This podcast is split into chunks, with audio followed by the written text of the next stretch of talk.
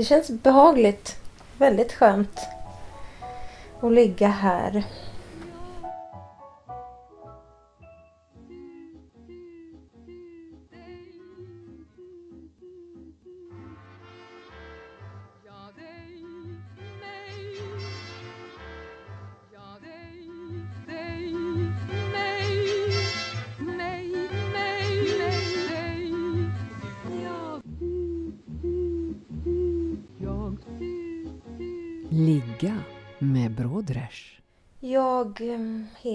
Alltså Sara Riedel som sagt och jag eh, sjunger. Och då sjunger jag mest eh, jazzmusik eller improvisationsmusik. Sen så komponerar jag musik också eh, för lite olika sammanhang och grupper. Eh, Ja. ja, det kan man väl säga. Hur skulle du beskriva dig själv liksom, som, som person sådär? Om du hade mött en som du och skulle förmedla det intrycket. Oj, vilken svår fråga. Um, ganska mjuk, tror jag. Jag är inte så där väldigt tuff. Um, och... ehm,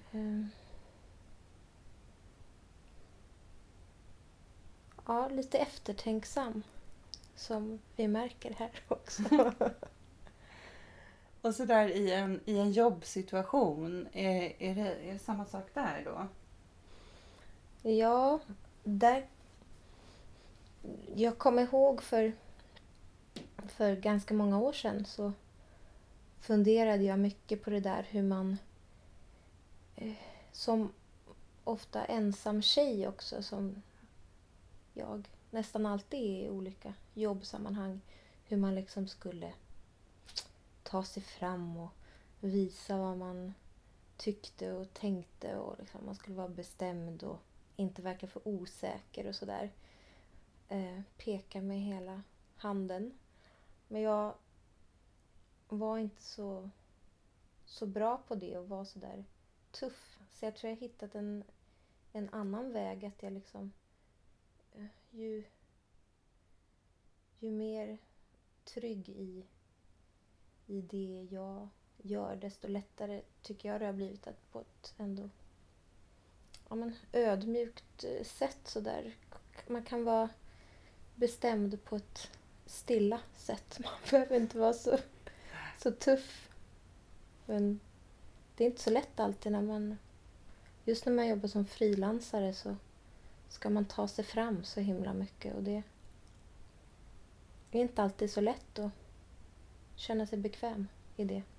Du menar själv, själva den här delen att sälja in sig och eh, Ja. berätta vad man är innan de har hunnit märka det själva? Och den- Ja, men lite så. Hålla sig framme och man ska liksom vara säker på säker på sin sak. Och det är så svårt att vara det också ibland tycker jag. Alltså just när man, man jobbar med att uttrycka sig själv på något sätt. Och man skriver sin musik och framför sin musik. Och i det så finns det ju ett sökande och ibland en osäkerhet. Och det är en del av liksom, det konstnärliga arbetet. För mig är det så väldigt mycket. Sen ska man ändå liksom utåt vara väldigt... Ja, men det här är, det här är skitbra. Mm, mm. Nu har du ju en liten, liten bunt skivor att, Mm. lägga fram. Liksom. Mm. Så det, det har väl inneburit någon, någon slags förändring på det här C, rena CV-området som vi pratar om. Ja. Eh, Och just det där med skivor är ju faktiskt... Dels är det, har jag känt att det har varit viktigt för, för min egen skull såklart. Att jag ville liksom göra något som var lite mer beständigt än att man bara gör konserter som flyktigt försvinner. Eh, och att det har varit viktiga delmål så där för att ta sig vidare i sitt arbete. Men sen också såklart, som du säger så, så är det ett ganska lätt sätt att visa att man faktiskt har gjort lite saker. Liksom, Istället för att behöva prata för sig själv så kan man visa fram de Ja, där ja, sakerna.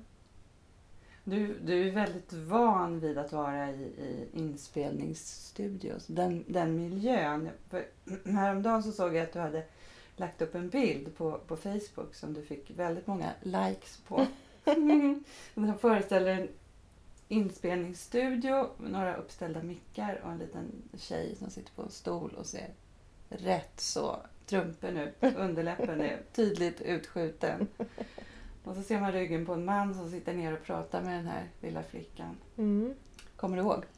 Ja, jag kommer ihåg. Det var en inspelning eh, av en skiva som heter Världens bästa Astrid.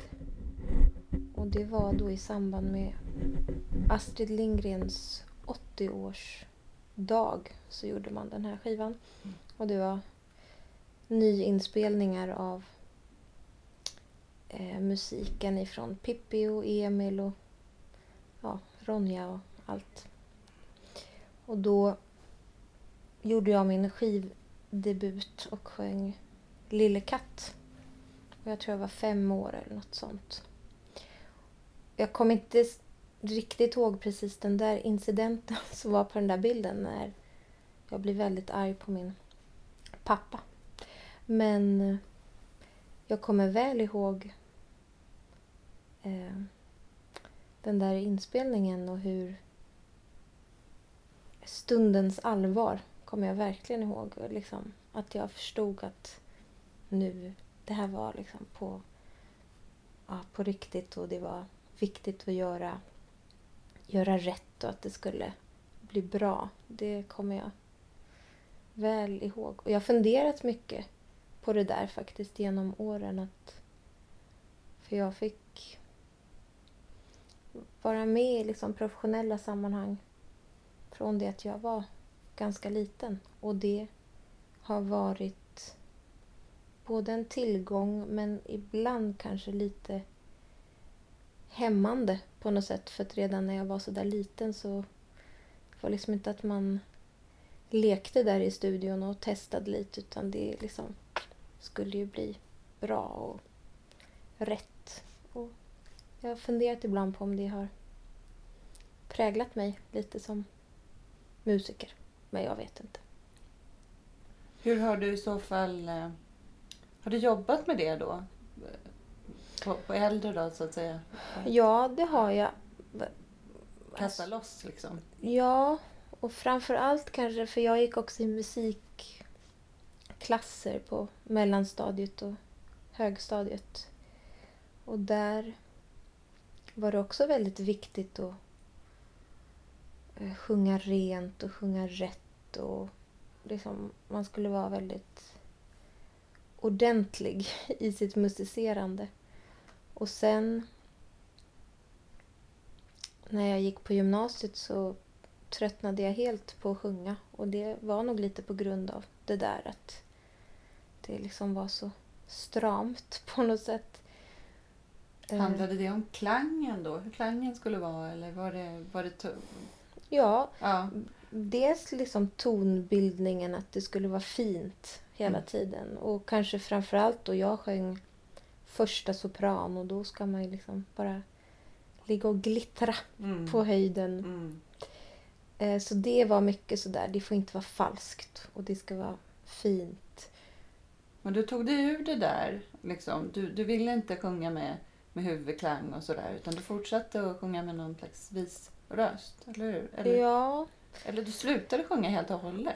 ja, när jag gick på gymnasiet så höll jag på mycket med teater istället och liksom jobbade med ja, men text och liksom annat sceniskt uttryck. Och det tror jag gav mig...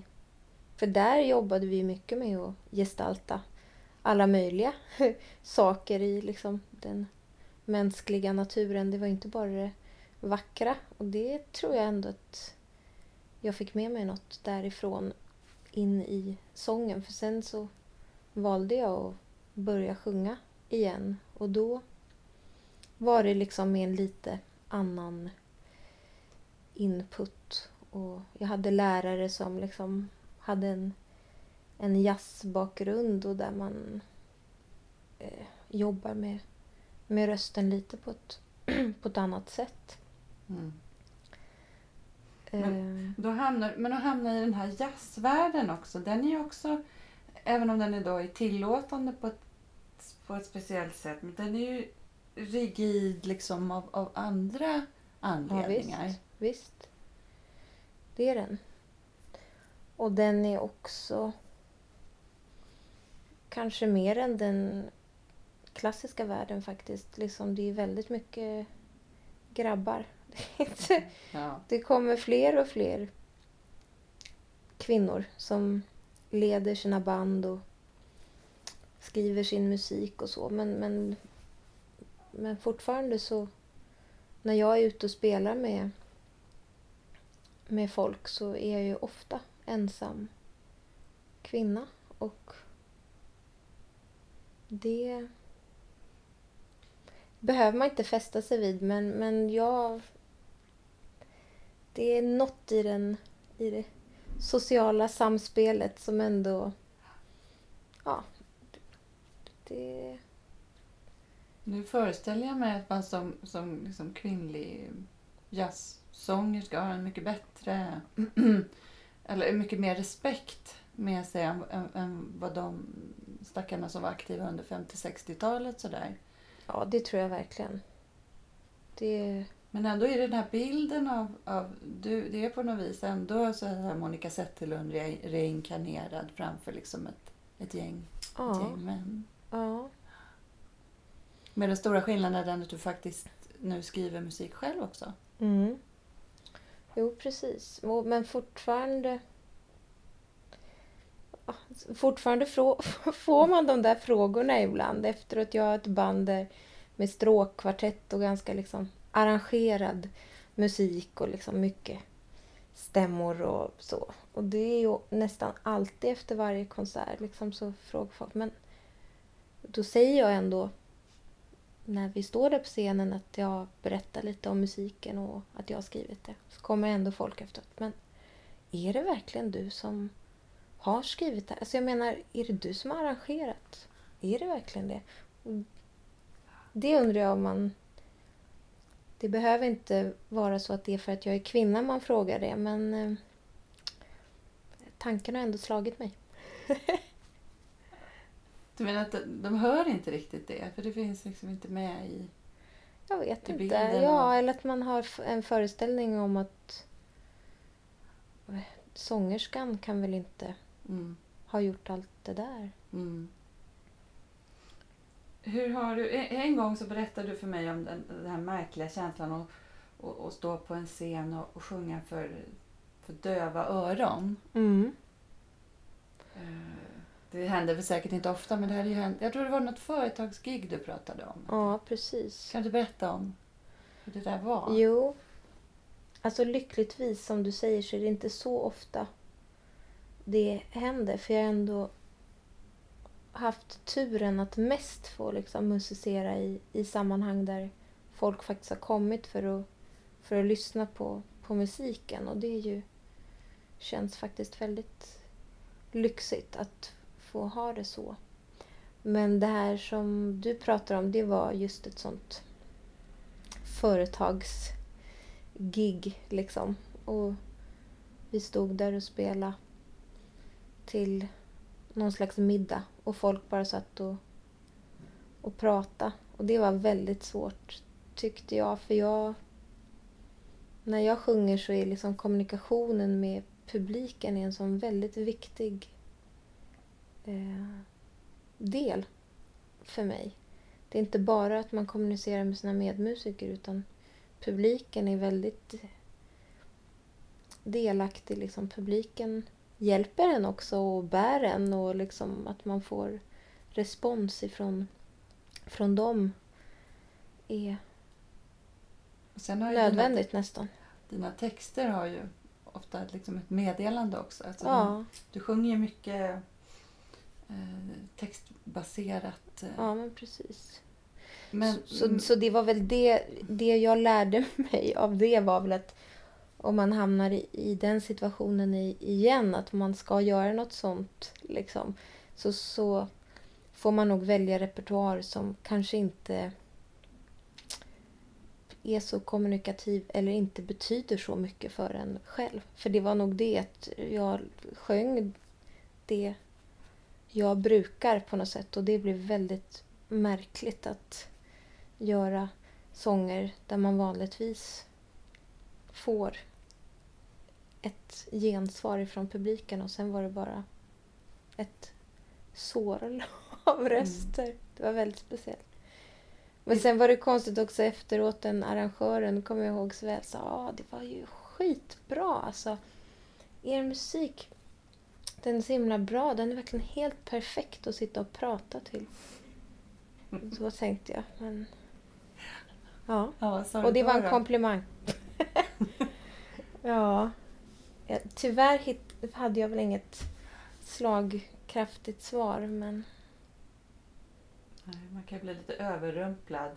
ja. Jag vet att, eh, jag tror att det, det var din pappa som berättade i något sammanhang att eh, basisten Charles Mingus, som ju var känd för att ha ett riktigt dåligt temperament. Mm. Han hade ju skällt ut publiken någon gång som, som ja, hade föreslagit att de kunde, de kunde väl käka och slamra ett tag så kunde, så kunde de sluta spela och sen Ja. kunde de få spela och då kunde publiken vara vänlig och sluta äta och slamra. ja. Ja, Men det är ju någonting med jazzen också, själva formen.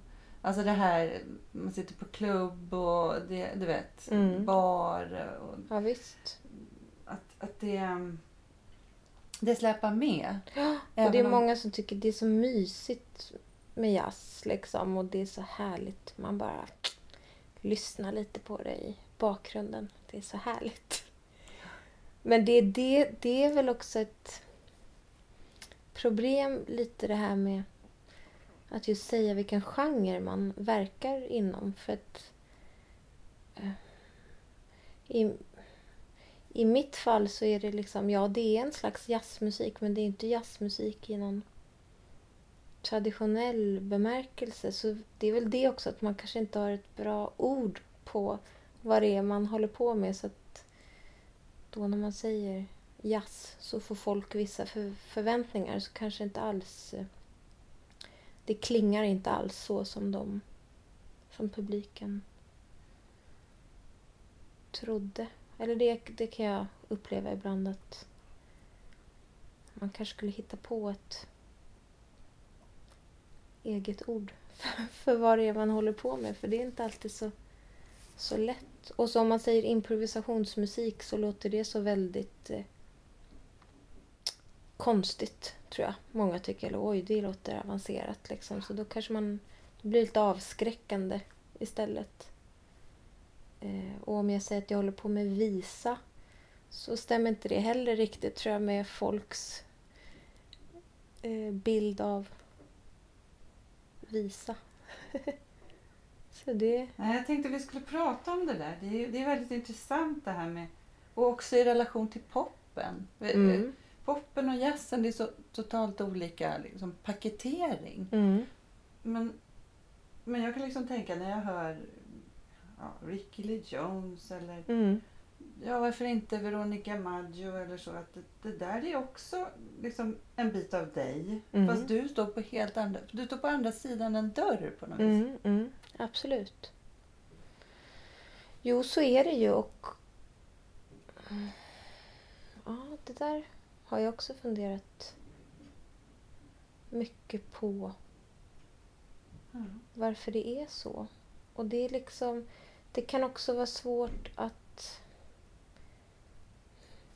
Har man fått en viss eh, stämpel, eller man ska säga, synts i vissa sammanhang och då är det liksom... Det följer med en också. Alltså jag menar, det finns inte så många skivrecensenter till exempel i, i Sverige.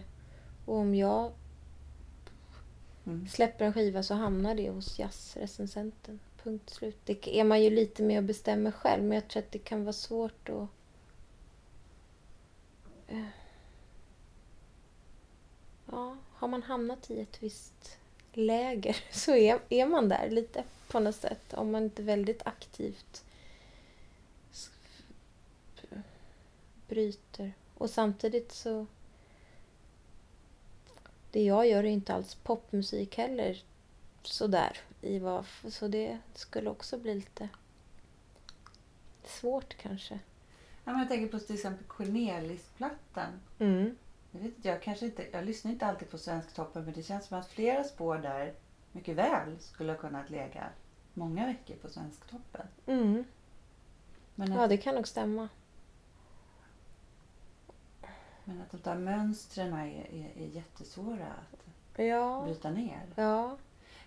Och sen kan det vara någon liten detalj som gör att det kanske bryter mot det där svensk topp. Så att det inte, det kanske är att det kommer liksom ett litet klarinettsolo någonstans som gör att oj, nej men det här, jaha. Mm. Då är det liksom Mm. inte radiomässigt. Ja, lite Eller, så. Är, ja.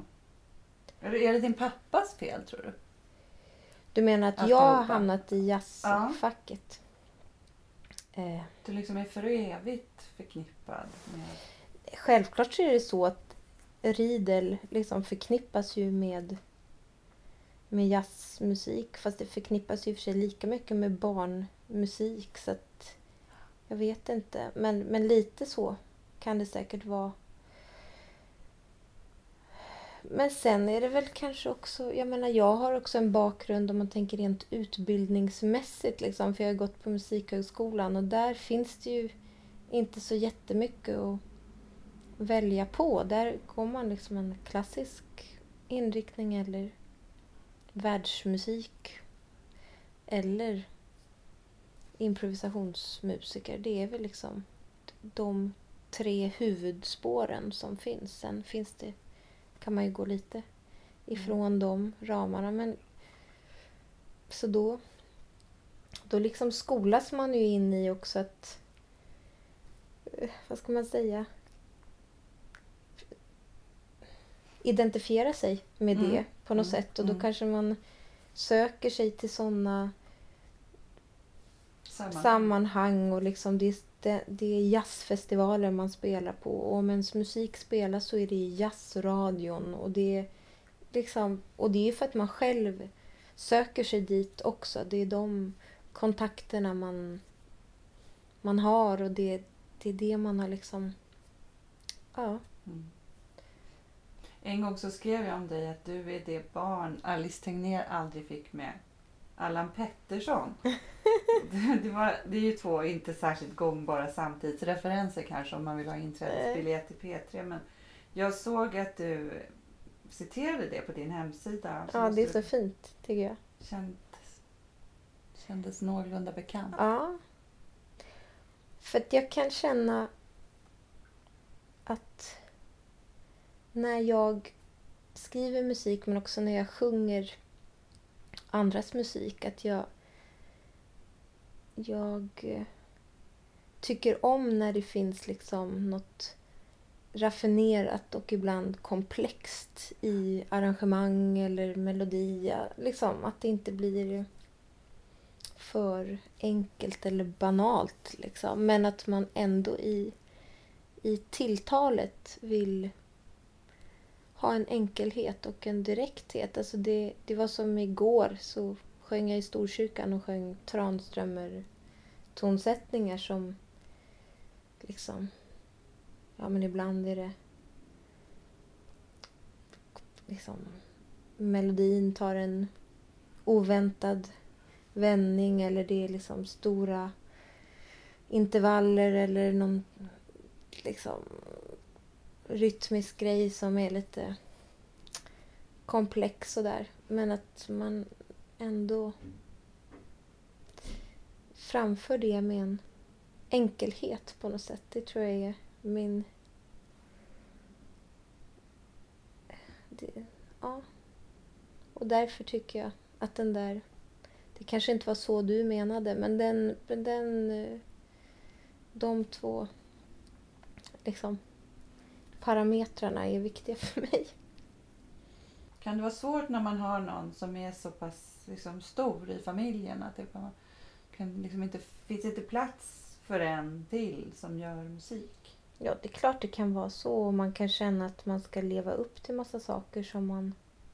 Och det har jag känt också. det, det är inte alltid så, så lätt att bli ständigt förknippad med, med sin framgångsrika förälder. Alltså såklart är det så. Och, och man kan få för sig att man ska eh, liksom leva upp till massa saker som man kanske inte alls behöver leva upp till. Men... Och omvärlden kan få för sig... Det kommer jag ihåg när jag har gått på olika utbildningar. Liksom, att folk kunde säga men det här kan väl du? Nej, jag kan faktiskt inte det här. Även om jag heter Riedel så kan jag inte det. För jag har inte... Det är inte så att min pappa undervisat mig i musik. Liksom, utan... Och... eh, När bestämde du dig för att liksom gå ut och spela med honom då? Alltså som igen? Mm. Det kan man väl egentligen säga var... Vi gjorde väl det lite sådär någon gång ibland. Mm. Eh, har, har kanske... Så har det väl varit under hela mitt liv. Men sen så gick jag lite folkhögskolor. Då var jag väldigt sådär, skulle göra min egen grej bara. Och det var väldigt viktigt och bra för mig att flytta från Stockholm och hitta helt egna musikaliska preferenser och folk att spela med och så. Sen var det nog när jag gick... Ja, jag hade börjat på Musikhögskolan och vi gjorde en skiva tillsammans som hette Hemligheter på vägen. Och jag tror att den släpptes 2008 kanske. Det känns som jättelänge sedan men det är ju fyra år sedan. Det är Mm. inte så länge sedan. Ehm, och det var väl liksom det första, vad ska man säga?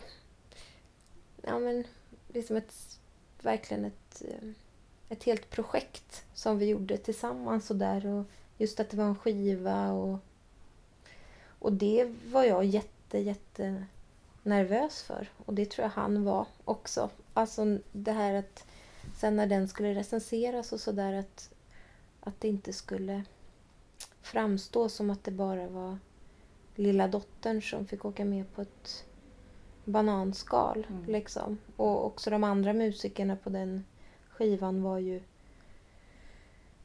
äldre än mig och erkända och jättebra. Alltså sådär. Så det var ju, jag var ju verkligen eh, rookien i det Mm. där sammanhanget. Och då är det klart det är väldigt speciellt när man är dessutom är, är dotter.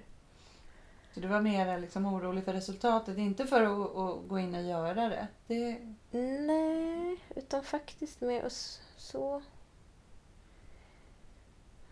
På, på något sätt att, att sjunga min pappas musik känns väldigt naturligt för mig på ett konstnärligt plan och ett musikaliskt plan. För jag... Ja, men jag är ju uppvuxen med, med dem. Med det tonspråket såklart. Så att det, det känns liksom väldigt självklart.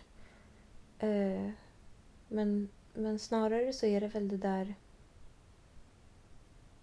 ja, hur omvärlden ska uppfatta det och också i viss mån liksom med musiker. För det är klart att det är lite speciellt kanske att ha pappa och dotter i, i samma band. Det kan bli väldigt komplicerat kan man föreställa sig. Men... eh, Men det verkar som att kritikerkåren tog det där ganska lugnt. Ja. Jo, men som, som, tur, som tur var. Nej, men det var faktiskt ingen som skrev något sånt utan snarare så skrev de väldigt fint om min insats så det var ju väldigt roligt. Och sen har vi ju gjort en till produktion tillsammans nu för ett år sedan ungefär.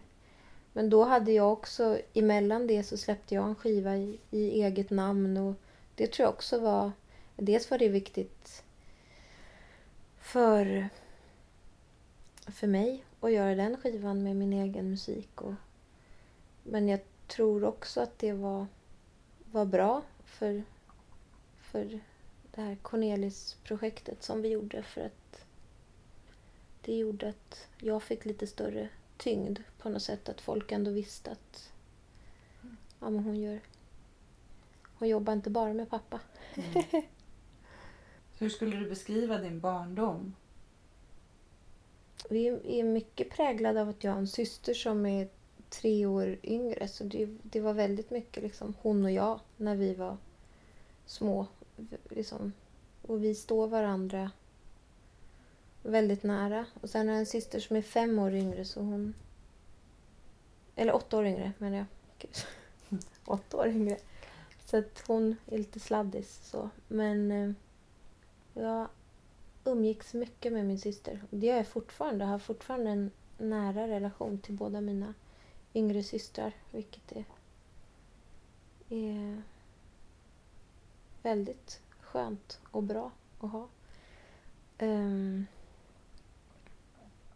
och an- du, ja, förlåt. nej, skulle Mm. du säga att de är dina bästa vänner också? Ja, det skulle jag nog säga. Ja. Um, och också det där att ha... Det är liksom en sån eh, odiskutabel kärlek och lojalitet. Även om man bråkar jättemycket ibland och liksom så. Men, men det är liksom när det väl gäller så finns man verkligen för varandra. Det är, det är något väldigt eh, tryggt i att, att veta att, att det är så. Och något ja, starkt i det. Men det här att du var den som skulle sjunga de här visorna. Mm. Var, var det aldrig något konstigt med det? Jo, alltså min syster som är tre år yngre, hon sjöng också mycket när hon var liten och var,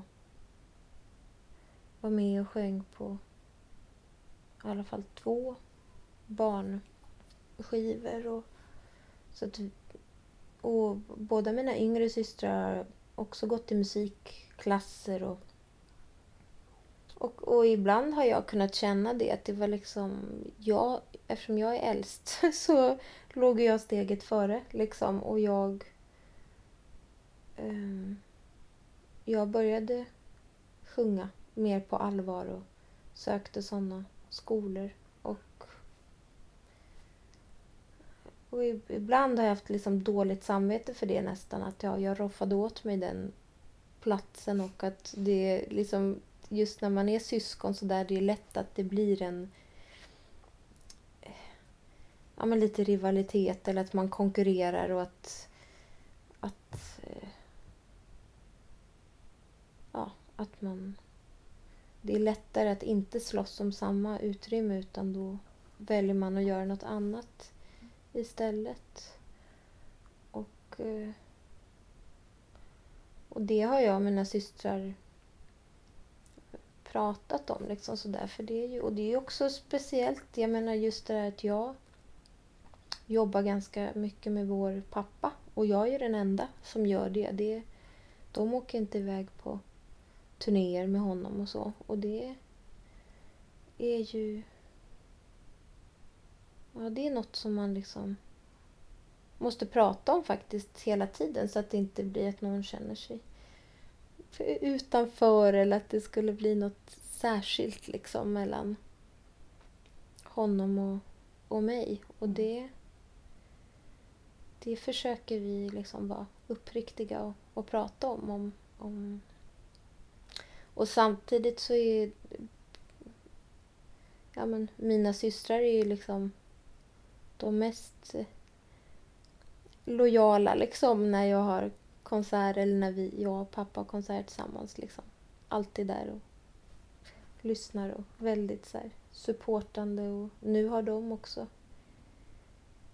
hittat vad, vad de vill ägna sig åt och då supportar vi varandra i det. Men apropå så här fördelar som du hade som barn då, fick du, fick du även träffa som Astrid Lindgren och, och så här i samband med er musik? Mm, nej, Astrid Lindgren har jag bara träffat en gång. Och det var på någon sån här... Eh, vad var det? Det kanske var när den här Världens bästa Astrid Mm. Fyllde tio år Mm. eller något sånt där så hade man, eller om den hade sålt ett visst, kanske fick guldskiva eller något, då var det någon liten lunch någonstans och då var hon med och då hälsade jag på henne och pratade lite med henne, men inte mer än så. Men Astrid och min pappa hade ju aldrig en sån relation heller. Så att det... Ja, jag kommer ihåg att... Eh, Eh, kom, det jag kommer ihåg var att jag gick i åttan, tror jag, på Adolf Fredrik och att jag eh,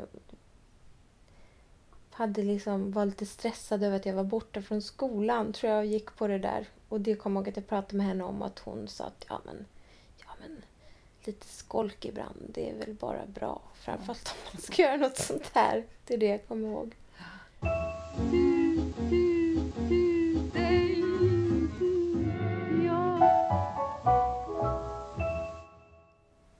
Tänker på mera minnen av människor som har passerat genom ert hem och sådär.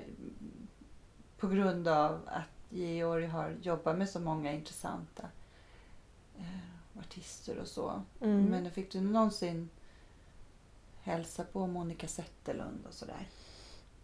Ja, det fick jag. Men det var faktiskt så att när jag gick sista året på gymnasiet så skulle jag skriva en uppsats om eh, jazzsångerskans historia. Jaha. Ungefär så.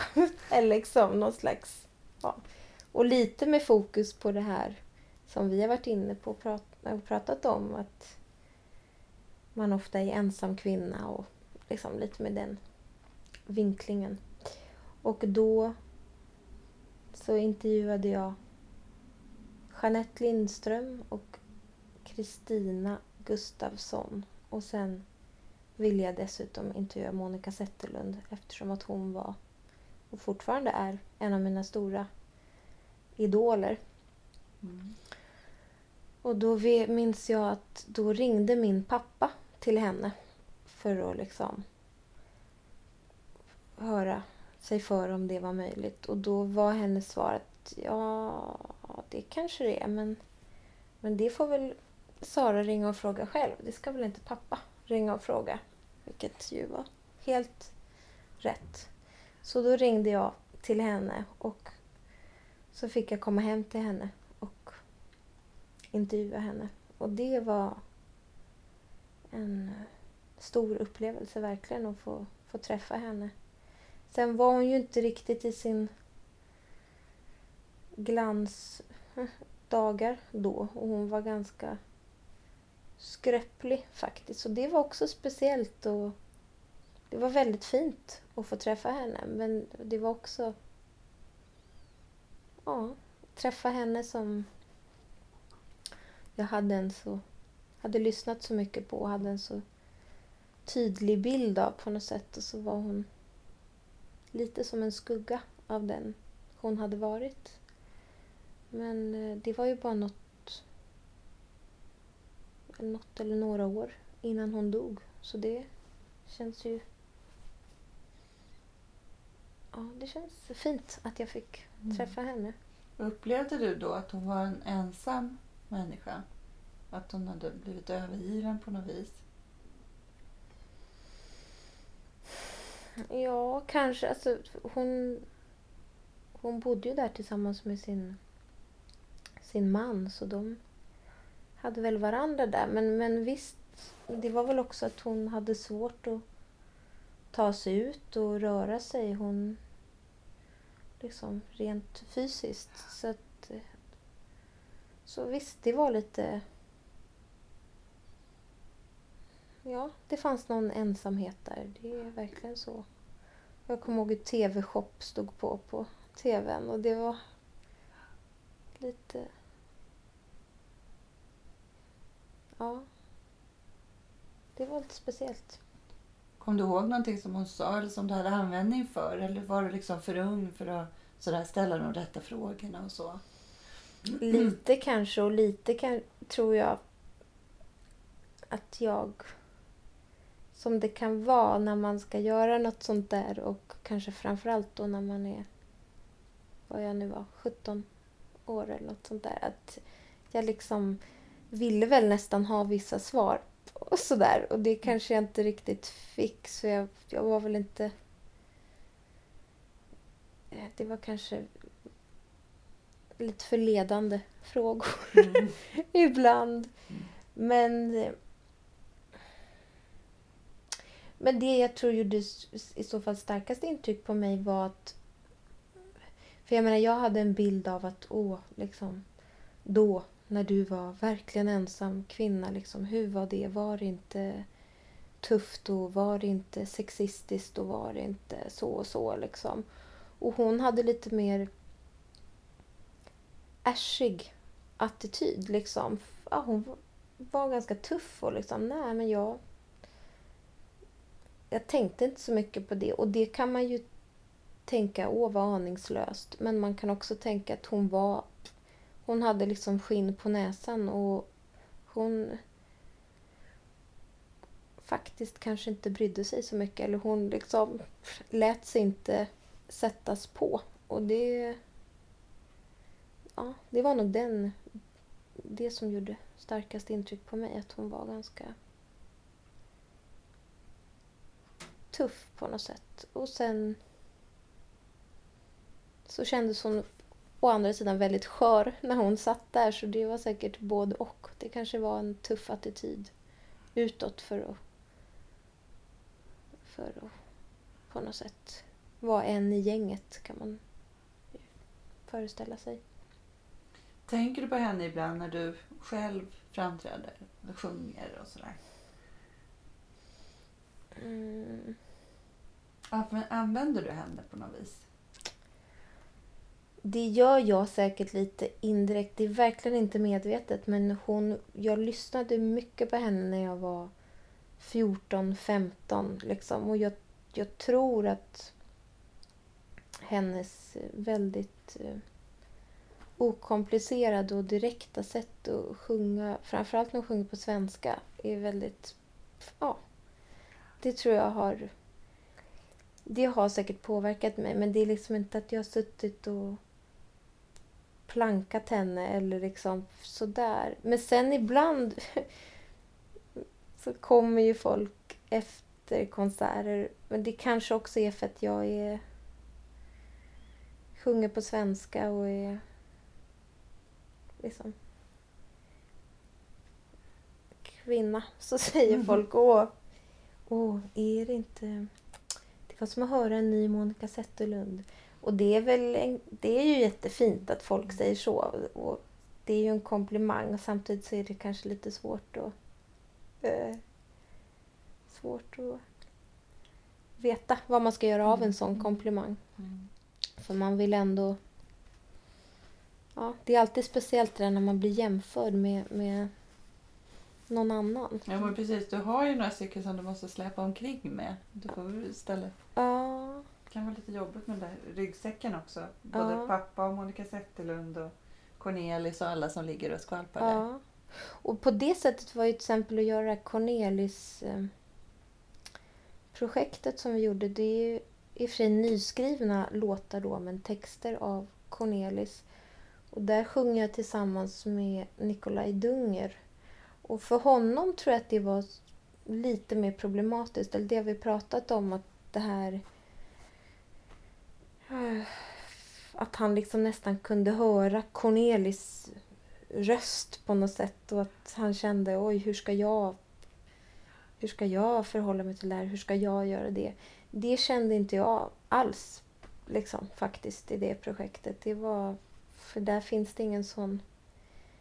Det är liksom... Att identifiera mig med Cornelis så, det känns ganska långt. Nej, precis. Det är väldigt många manliga trubadurer som har Ja. kört en vända med Ja. Cornelis. ja. Men annars tror jag för att Cornelis har faktiskt påverkat mig också i något sätt mitt sätt att förhålla mig till text. För honom lyssnade jag också mycket på när jag var tonåring och han har också det där väldigt oförställda sättet att sjunga på liksom som, ja, som talar direkt till en. Och, Och det är någon slags ideal för dig ändå? Eller verkar det vara någon typ av ja, programförklaring? Att det ska vara...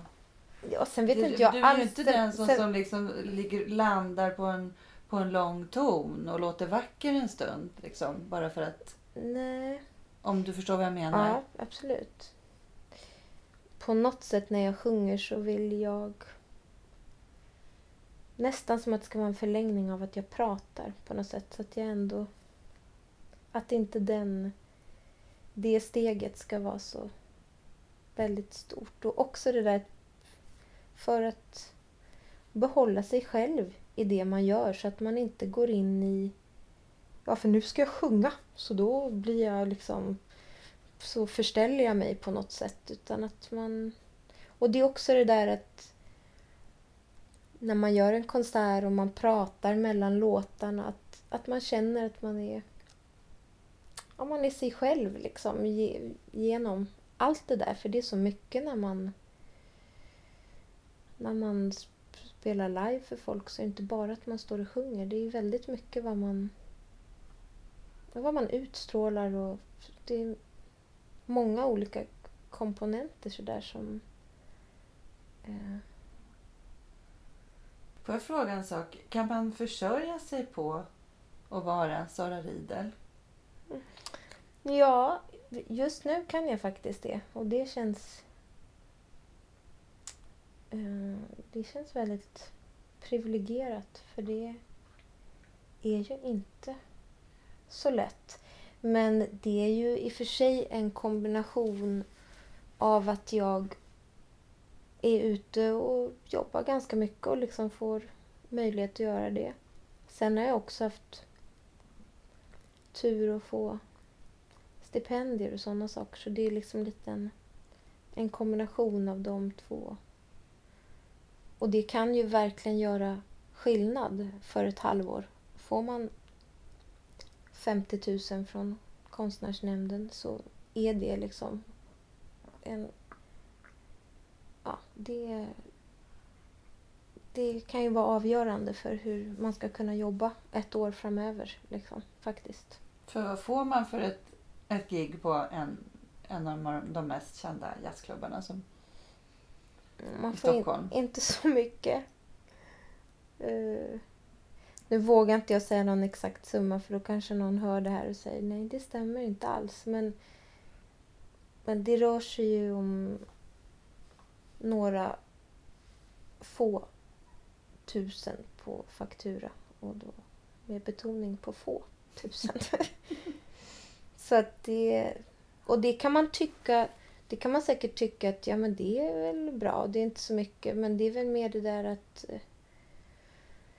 I alla fall när man sjunger så är det liksom...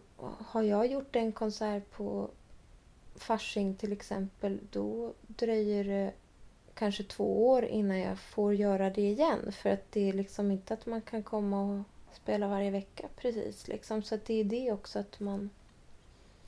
Och, och ofta så är det mycket förberedelsetid inför ja, om, vi ska, om man ska göra en konsert eller som... Såklart. Ehm,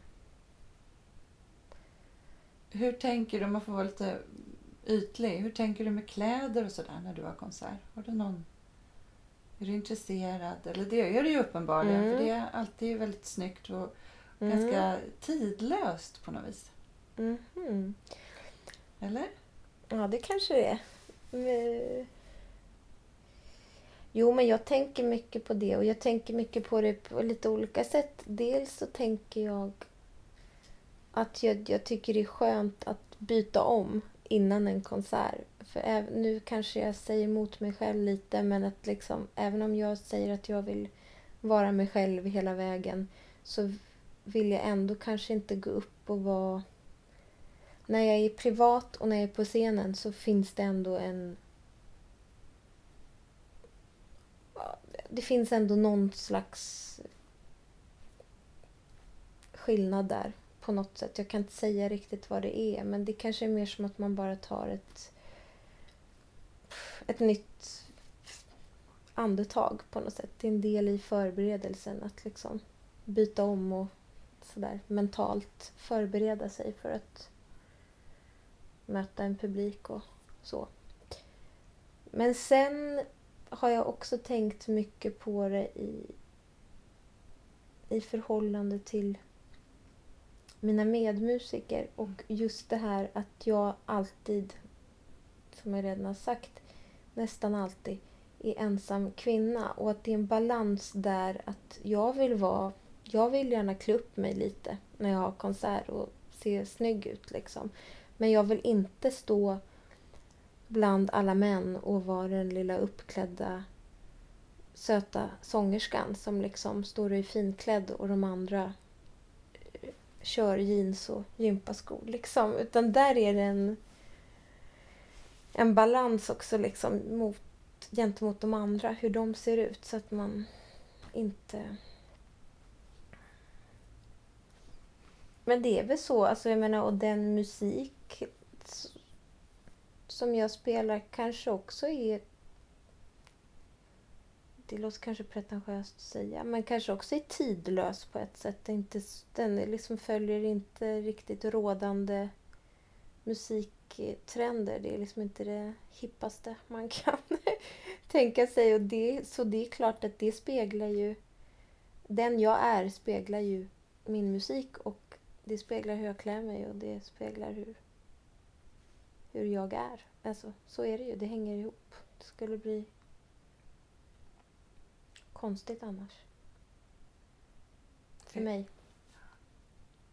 Ja, Sara, jag hoppas att du ska fortsätta att sjunga som du vill. Ja, det hoppas jag med. Eller det tänker jag göra. Mm. Man får inte låta sig påverkas för mycket. Man ska påverkas lagom mycket av sin omgivning. Tänker jag. Tack för att du var med i min podcast. Tack så mycket för att jag fick vara med.